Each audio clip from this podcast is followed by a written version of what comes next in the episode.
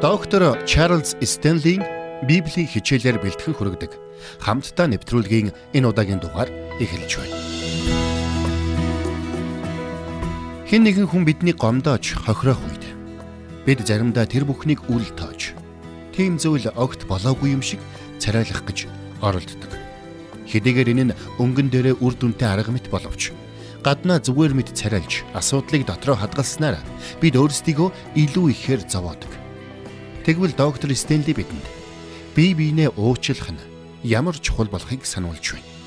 Ингэхдээ Йосефийн амьдралаар дамжуулаад бусдыг уучлахад маань туслах чухал зөвлөмжүүдийг өгөх болно. Хэрв таны амьдралд үл уучлалын улмөр байгаа бол та өнөөдрийн дугаарыг анхааралтай сонсоорой. Доктор Чарлз Стенли таныг үл уучлал уур хилэн, ата хорсол, үзэн ядалтаасаа чөлөөлөгдөхөд чинь туслах болно.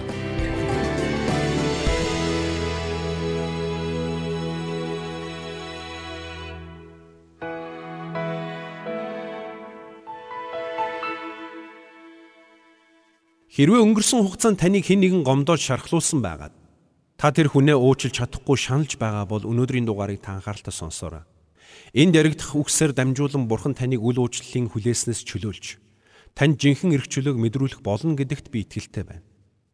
Библиэд уучлалын талаар маш олон зүйлийг өгүүлсэн байдаг аа. Харин эсэргээрээ үл уучлалыг хүлээн зөвшөөрсөн ганц ч үг байхгүй гэдгийг та санаарай. Учир нь үл уучлалын үр дагавар нь маш ноцтой юм. Хортой ч юм. Энэ нь бидний амь амьдралыг ч оронгоор нь эргүүлэх хортой юм. Учир нь үл уучлал бидний амьдралын талбар нэг бүрт хортойгоор нөлөөлж байдаг юм. Библиэлд уучлалын түүхүүд маш олон бий. Тэр дундаас хамгийн сэтгэл хөдлөм түүхүүдийн нэг бол хуучин гэрээнд бичигдсэн Йосефийн түүх байгаа юм. Йосефийн түүхээс бид уучлалын талаар маш чухал зарчмуудыг сурч мэдэж болно.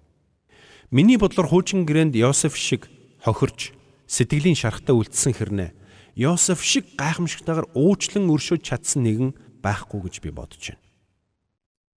За ингээд хамтдаа эхлэл номын хамгийн сүүлийн бүлэг буюу 50 дугаар бүлгийг гаргаад харъя.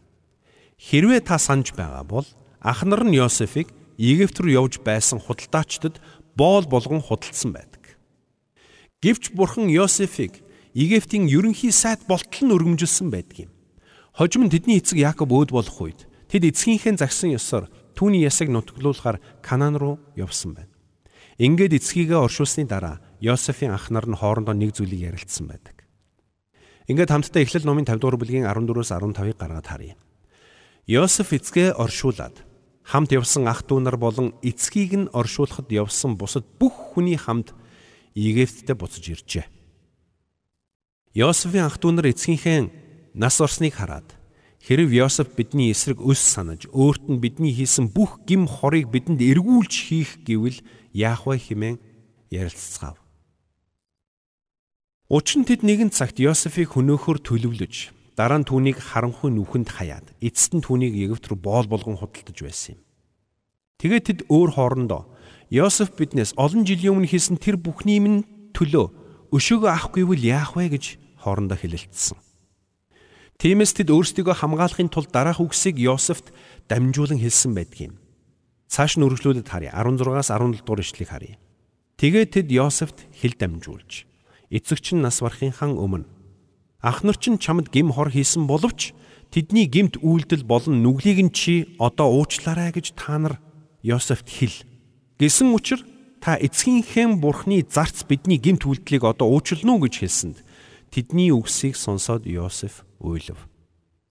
За харж байна. Тэдний хувьд эцгийгээ маш их хүндэлдэг, эцгээс маш их имээдэг байсан учраас эцгийнхэн захиас тэдний хувьд хууль байсан юм. Тиймээс Йосеф тэднээс өшөөг авах байхаа гэж айсандаа тэд эцгийнхээ нэрийг өмнөө барьсан байна. Учир нь энэ олон жилийн туршид Йосеф тэдний эсрэг өс зангидан тэднээс өшөөг авах тохиромжтой цагийг хүлээсээр ирсэн байхаа гэж тэд бодсон. Заримдаа бид өөрсдөө ч мэдлгүйгээр хин нэгний эсрэг үл уучлал, хорсол занлалыг тань амьдарч байдаг юм. Бага наснд нь тохиолдсон таагүй үйл явдлаас болоод эсвэл олон жилийн өмнө болоод өнгөрсөн тэр нэгэн явдлаас болоод бид заримдаа өөрсдөө ч анзаарахгүйгээр зүрхэндээ үйл уучлалыг тэн амьдарч байдаг юм. Бид тэр бүх таагүй мэдрэмжүүдээ зүрхнийхээ мухарт хав дараад тэр бүхнийг мартах гэж оролддог юм. Гэвч биднийг ийхүү мартах гэж оролдож байх зуур үл уучлалын хүлээс улам бүр чангарч биднийг дотроос маань боомлсоор дотроос маань идсээр байдаг юм. Тиймээс Христэд итгэж бидний хувьд хамгийн чухал ухаалаг алхам бол бусдын гим бурууг тэр дор нь уучлах явдал юм. Цаад хүн чинь танд юу ч хийсэн байлаа гэсэн тэр хүнийг уучлна гэсэн сонголтыг та хийгээрэй. Энэ бол хамгийн зөв сонголт. Магадгүй та дотроо миний дотор тэр хүнийг уучлах мэдрэмж төрөхгүй байна. Тэр хүнийг уучлмаар огт санагдахгүй байна гэж та бодож байж болох юм. Тэгвэл би танд хэлье. Мэдрэмж болон уучлал хоёр хоорондоо ямар ч холбоогүй шүү гэдгийг та ойлгоорой. Учир нь уучлал бол бидний хүсэл зоригоос гарч буй шийдвэр юм. Харин эсэргээр мэдрэмж нь бид хизээж бүрэн итгэж болохгүй шүү. Учир нь заримдаа бидний мэдрэмж хуурамч байдаг юм. Харин уучлал бол сонголт юм би уучлах сонголтыг хийж байна гэсэн таны хүсэл зоригийн илрэл юм. Энэ тохиолдолд бидэнд ердөө хоёр л сонголт бий. Нэг бол уучлах, а эс бол үл уучлал. Хэрвээ бид үл уучлалыг сонгох юм бол за тэгээд эндээс хорслын үндэс ургаж эхлэх болно. Харин хорслын үндснээс уур хилэн үзэн ядалт хорсол, занал, хүчирхийлэл үүсдэг юм. Та зүрхэндээ буу хорслоо хэсэг хугацаанд хүнд ч мэдэгдэлгүй хадгалж болохч Энэ нь аажим аажмаар таныг дотроос ч нийцсээр нэг л өдөрт галт уул мэд тесрэх болно. Тэр цагт таны эргэн тойронд буй хүмүүр хохирол амсах болно. Хэрвээ танд бурууг үйлдсэн нэгнийг үл уучлах сонголтыг хийх юм бол а тэндээс таны өмнө дараагийн хоёр сонголт урган гарч ирэх болно. Та энэ хоёр үгийг тэмдэглээд аваарай. Та үл уучлалынхаа улмаас нэг бол гомдол хорслоо тэр даруйд нь ил гаргана. Эс бол үл уучлалаа дотроо хадгална. Зүйрлүүлбэл та нэг бол өөрийнхөө дотор буй бүхнийг цаад хүндээ ил шулуухан хэлнэ. Эсвэл та тэр бүх сөрөг сэтгэл хөдлөлөө дотроо хав даран хадгалах болно. Хэрвээ та энэ хоёр сонголтоос аль нэгийг нь хийх ёстой болсон бол би танд үл уучлалаа дотроо хадгалах биш харин ил гарган хэлэх сонголтыг хийгээсэ гэж зөвлөх байна. Гэхдээ нэг зүйлийг ойлгоорой намайг дотроо байгаа бүхнээ хэлж байгаарэ гэж пастор зааж өгсөн гэж битгий зарлаад яваад байгаарай. Яагад гэвэл би танд үнийг зөвлөөгүй шүү. Би танд уучлах сонголтыг хийгэрэй гэж зөвлөсөн. Хэрвээ та миний зөвлснөөр зөрж үл уучлалыг сонгосон бол та өөрт үлдсэн хоёр тааруу сонголтоос арай дээрхийг нь сонгох ёстой болно гэсэн үг юм. Өөрөөр хэлбэл нэгэнт уучлж чадахгүй байгаа бол үл уучлалаа дотроо хав дарснаас ил гарган хэлсэн илүү дээрээ гэсэн үг юм. Гэхдээ энэ нь та хоёр муу сонголтоос арай дээрхийг нь хийж байна гэсэн үг гэдгийг сайн ойлгоорой. Учир нь үл уучлалыг дотроо хадгалснаас илүү шулуухан хэлж аваад гаргаж хаях нь илүү дээр юм. Ягаад гэвэл дотроо хав дараад хадгалсан үл уучлал нь хожим нэртөөрэ хизээ нэгэн цагт таны дотроос гарцаагүй эргэн тесэрч гарч ирэх болно. Магадгүй хэдэн сарын дараа магадгүй хэдэн жилийн дараач ил гарч ирж болно. Гэхдээ тэр өдрийг хүртэл үл уучлал нь таны зүрхэнд оршсоор таныг дотроос ч хүлсээр байх болно.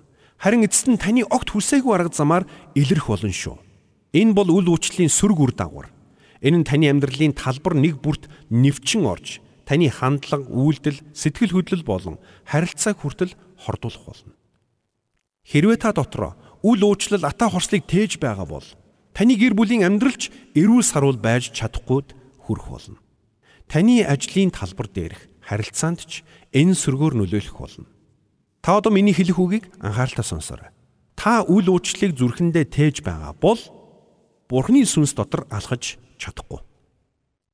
Учир нь энэ тохиолдолд та Есүс бол миний амьдралын эзэн гэж тунхаглаж чадахгүй байна гэсэн үг юм. Есүс бидэнд уучлалыг сургасан байхад Бид зүрхэндээ үл уучлалыг тээсээр байж амаараа Есүс бол миний эзэн хэмээн тунхаглаж чадна гэж юу? Учир нь Библийн хаанч үл уучлалыг хүлээн зөвшөөрсөн нэг ч ишлэл байхгүй. Тиймээс найз минь чамааг Есүс Христэд итгэсэн тэр мөчөд Бурхан бүх гим нүглийг чинь уужилсан гэдгийг битгий мартаарай. Гэхдээ нөгөөтэйгүр Бурхан та бидний гимт буруу үйлдэл гим нүглийн сайн сонсороо үр дагаврыг бидний амьдралаас алга болгоогүй гэдгийг санах хэрэгтэй. Өөрөөр хэлбэл бид Бурхны өмнө уучлагдсан боловч тэр уучлал нь бидний буруу үйлдэлийн үр дагаврыг арилгадаггүй гэсэн үг юм. Хамтдаа Библиэс Йосефийн түүхийг санацгаая. Йосефийн амьдрал бол Уучлалын талаар суралцж болох гайхамшигтай үлгэр жишээ юм. Түүнийг ямар их зовлон амсныг та санаж байгаа бах. Түүнийг эцэг их нь маш ихээр хайрладаг байсан ч Бурханаас хүлээн авсан зүүд зөнгө нь хүлээн зөвшөөрөөгүй юм. Ах нар нь түүнийг үзен ядаж, түүнийг хөнөөхөр хувилдаж байсан.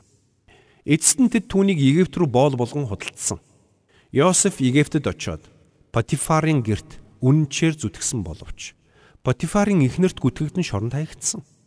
Түүний тусламжийг санаж түүний талаар фаронд уламжлах ёстой байсан нэгэн түүнийг мартаж орхисон.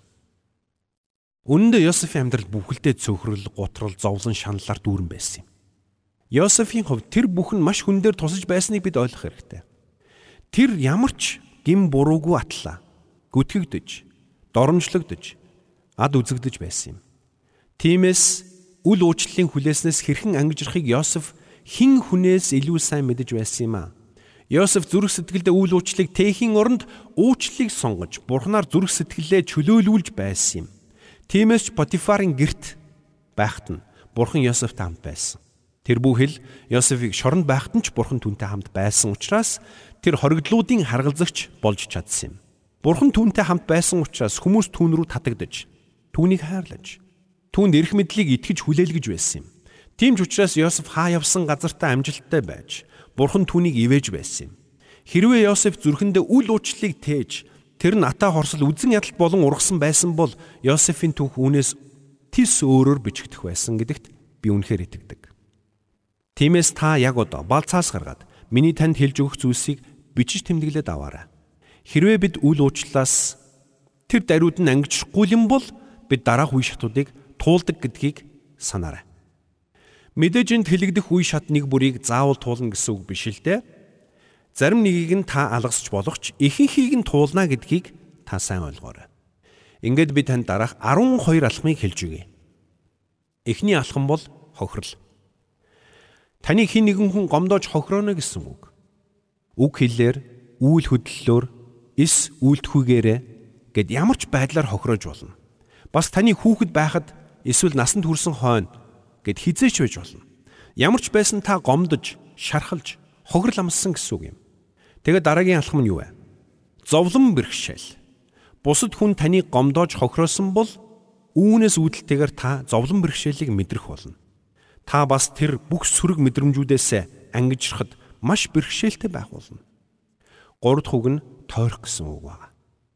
Дээрх зовлон бэрхшээлийг мэдрэх үедээ бид хар зөнгөөрөө тэр бүх асуудлаас зайлсхийж тойрч гарах гэж оролддог.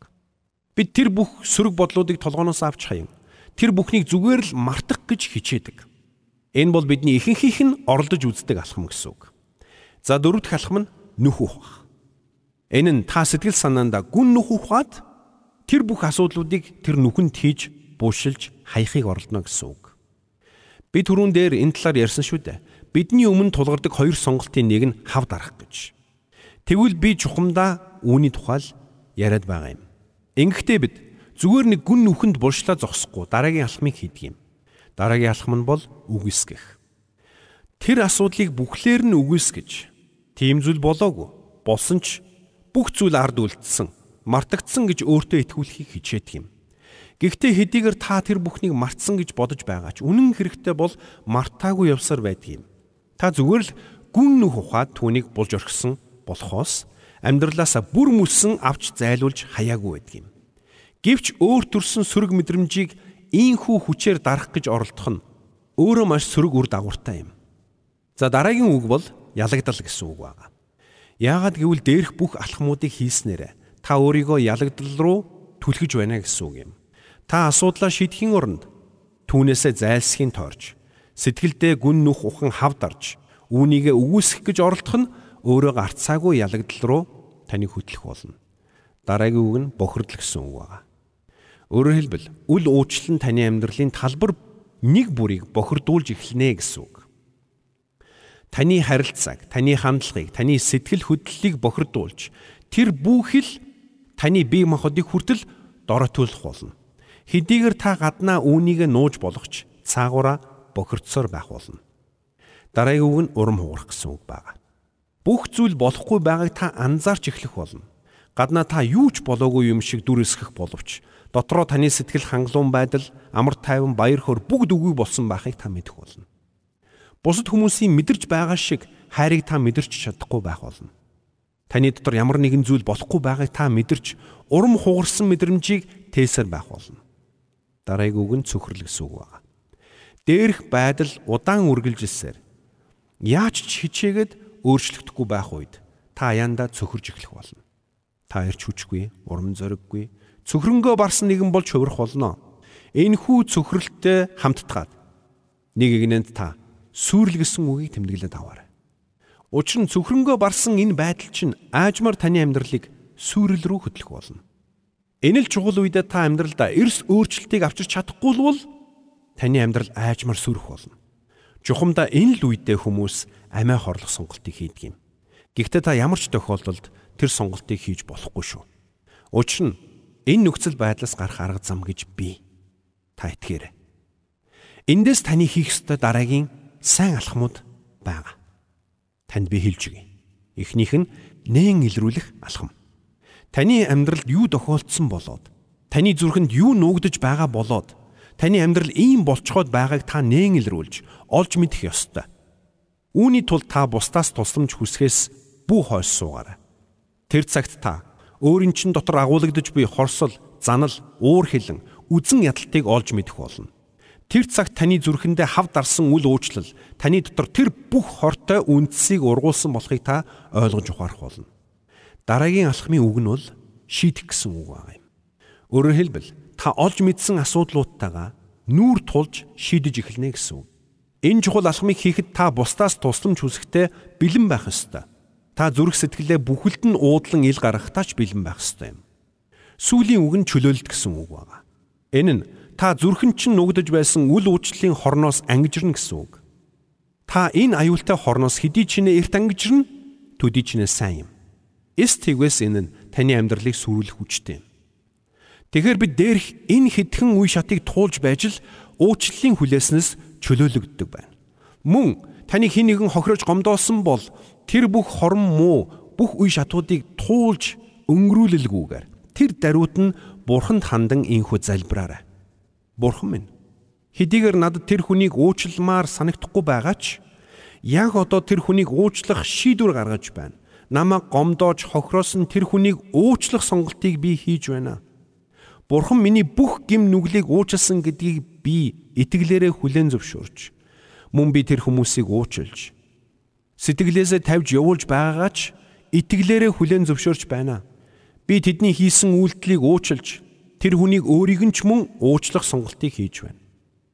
Таныг ийхүү залбирсан даруйд таны дотроос эдгэрлийн үйл явц эхлэх болно. Тэгээд дараа нь та бурхан тандан ийхүү талархан залбираарай. Бурхан минь үл уучлалыг тээж байсан. Намайг уучлсан танд баярлалаа.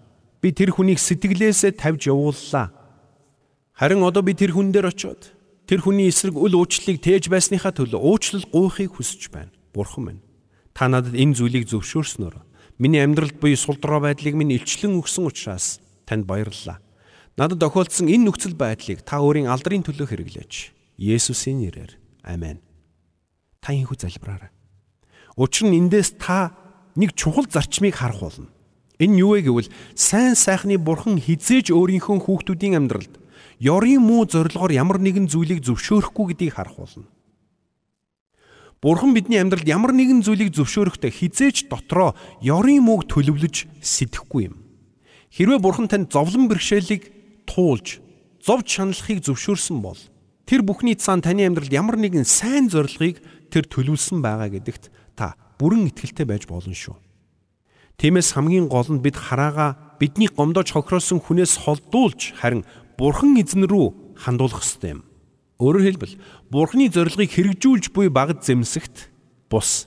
Харин бидний амьдралд хандсан Бурханы агуу зорилго руу анхаарлаа хандуулах учиртай гэсэн үг юм.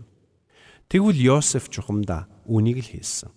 Йосеф зүрхэндээ уур хилэн ата хорсол үзэн ядалтыг тээж амьдраагүй. Тийм ч учраас Бурхан түүнийг Египтийн ерөнхий сайдын суудалд суух хүртэл өргөмжилсөн юм. Потифар түүнд орон гэрээ бүхэлдэн даатгаж байсан юм шоронгийн хянагч нар түүнд хариуцлагатай ажлаа итгэн хариуцуулж байсан юм. Йосефч тэр бүхний итгэлийг нь алдаагүй юм. Үүний нэгэн адил хэрвээ бид Ботифарын герт байлаа гэж бодъё. Түүний герт итгэмжтэй байж чадахгүй бол хизээч Египтийн бүхэл бүтэн улсын ерөнхий сайд болох хэмжээний үүрэг хариуцлагыг хүлээн авч чадахгүй шүү дээ. Тиймээс бид асуудлыг баг гэлтгүү баг дээр нь шийдэж сурах нь чухал юм. Нэгэн цагт Йосефийн дотор ажилласан тэр бурхан таны ч дотор бас ажиллаж таны амьдралд гайхамшигтай зүйлийг хийх болно. Мэдээж таныг бурхан шууд ерөнхий сайд болгочихно гэж би хэлээгүй.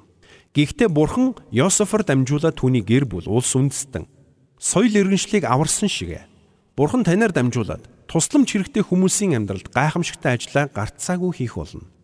Эсвэргээр таны зүрх сэтгэл ата хорслоор дүүрэн бол та олон хүнд тусалж чадахгүй. Харин таныг дотроос ч нь устган сүрүүлж буй тэр зүйлээ бурханд өргөх юм бол таныг бурханд цэвэрлэн эдгэж танаар дамжуулан үл уучлалын хүлээсэнд хүлэгдэн шаналж буй олон хүмүүст туслах болно. Тиймээс одоогоос 2000 жилийн тэртет Есүс Христээр дамжуулаад Бурхан таныг хэрхэн гайхамшигтайгаар уучлсныг та тэр бүх хүмүүст гэрчлэх болно. Бурхан таныг хэрхэн хүлээн авсныг болон таныг хэрхэн үл уучлалын хүлээснээс чөлөөлж бүрэн эрх чөлөөтэй болсныг тэр хүмүүстэй харилцсан ярилцах болно.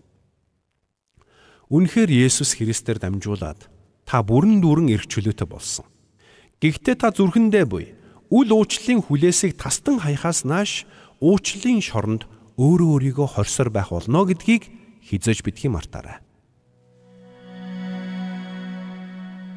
Хэрвээ та үл уучлалын хүлээсэнд хөдөлж чадахгүйгээр хүлэгдсэн байгаа бол эрх чөлөөтэй болох эхний алхмыг өнөөдөр хийгээрэй. Та бусдыг уучлах сонголтыг хийсэн тэр л мөчөөс таны дотор эдгэрлийн үйл явц эхлэх болно. Хэрвээ бид өөрсдийг мань уучлсан бурхан руу харцаа өргөх юм бол бусдын буруугч илүү амархан уучлж чадах болно гэдгийг доктор Стенли бидэнд сануулж байна. Тэр цагт бид үл уучлалын хүлээснээс чөлөөлөгдөх болно. Учир нь Бурхны хүүхэд болсон бид үл уучлалын бус харин уучлалын зүрх сэтгэлээр амьдрах учиртай. Эфес 4:31-с 32-д Элч Паул хэлэхдээ Аливаа хорсол, уур хилэн, хашгираан, гүтгэлгэн бүх муу муухайн хамт та нараас зайлаг. Бурхан та нарыг Христ дотор уучлсны адил бие биенээ уучлан нэг нэгнээ инэрч айдуу зөөлөн сэтгэлээр ханд гэсэн байдаг. Мөн Эфес 5-ын 1-ээс 2-д үргэлжлүүлэн сургахдаа иймд хайрлагдсан хүүхдүүдийн хувьд Бурханыг дуурайгчид бай. Христ та нарыг хайрлсан бөгөөд өөрийгөө бидний төлөө Бурханд анхлан үнэрт өргөл ба тахил болгон өргөсний адил хайр дор яв. гэсэн байдгийг та битгий мартаарай.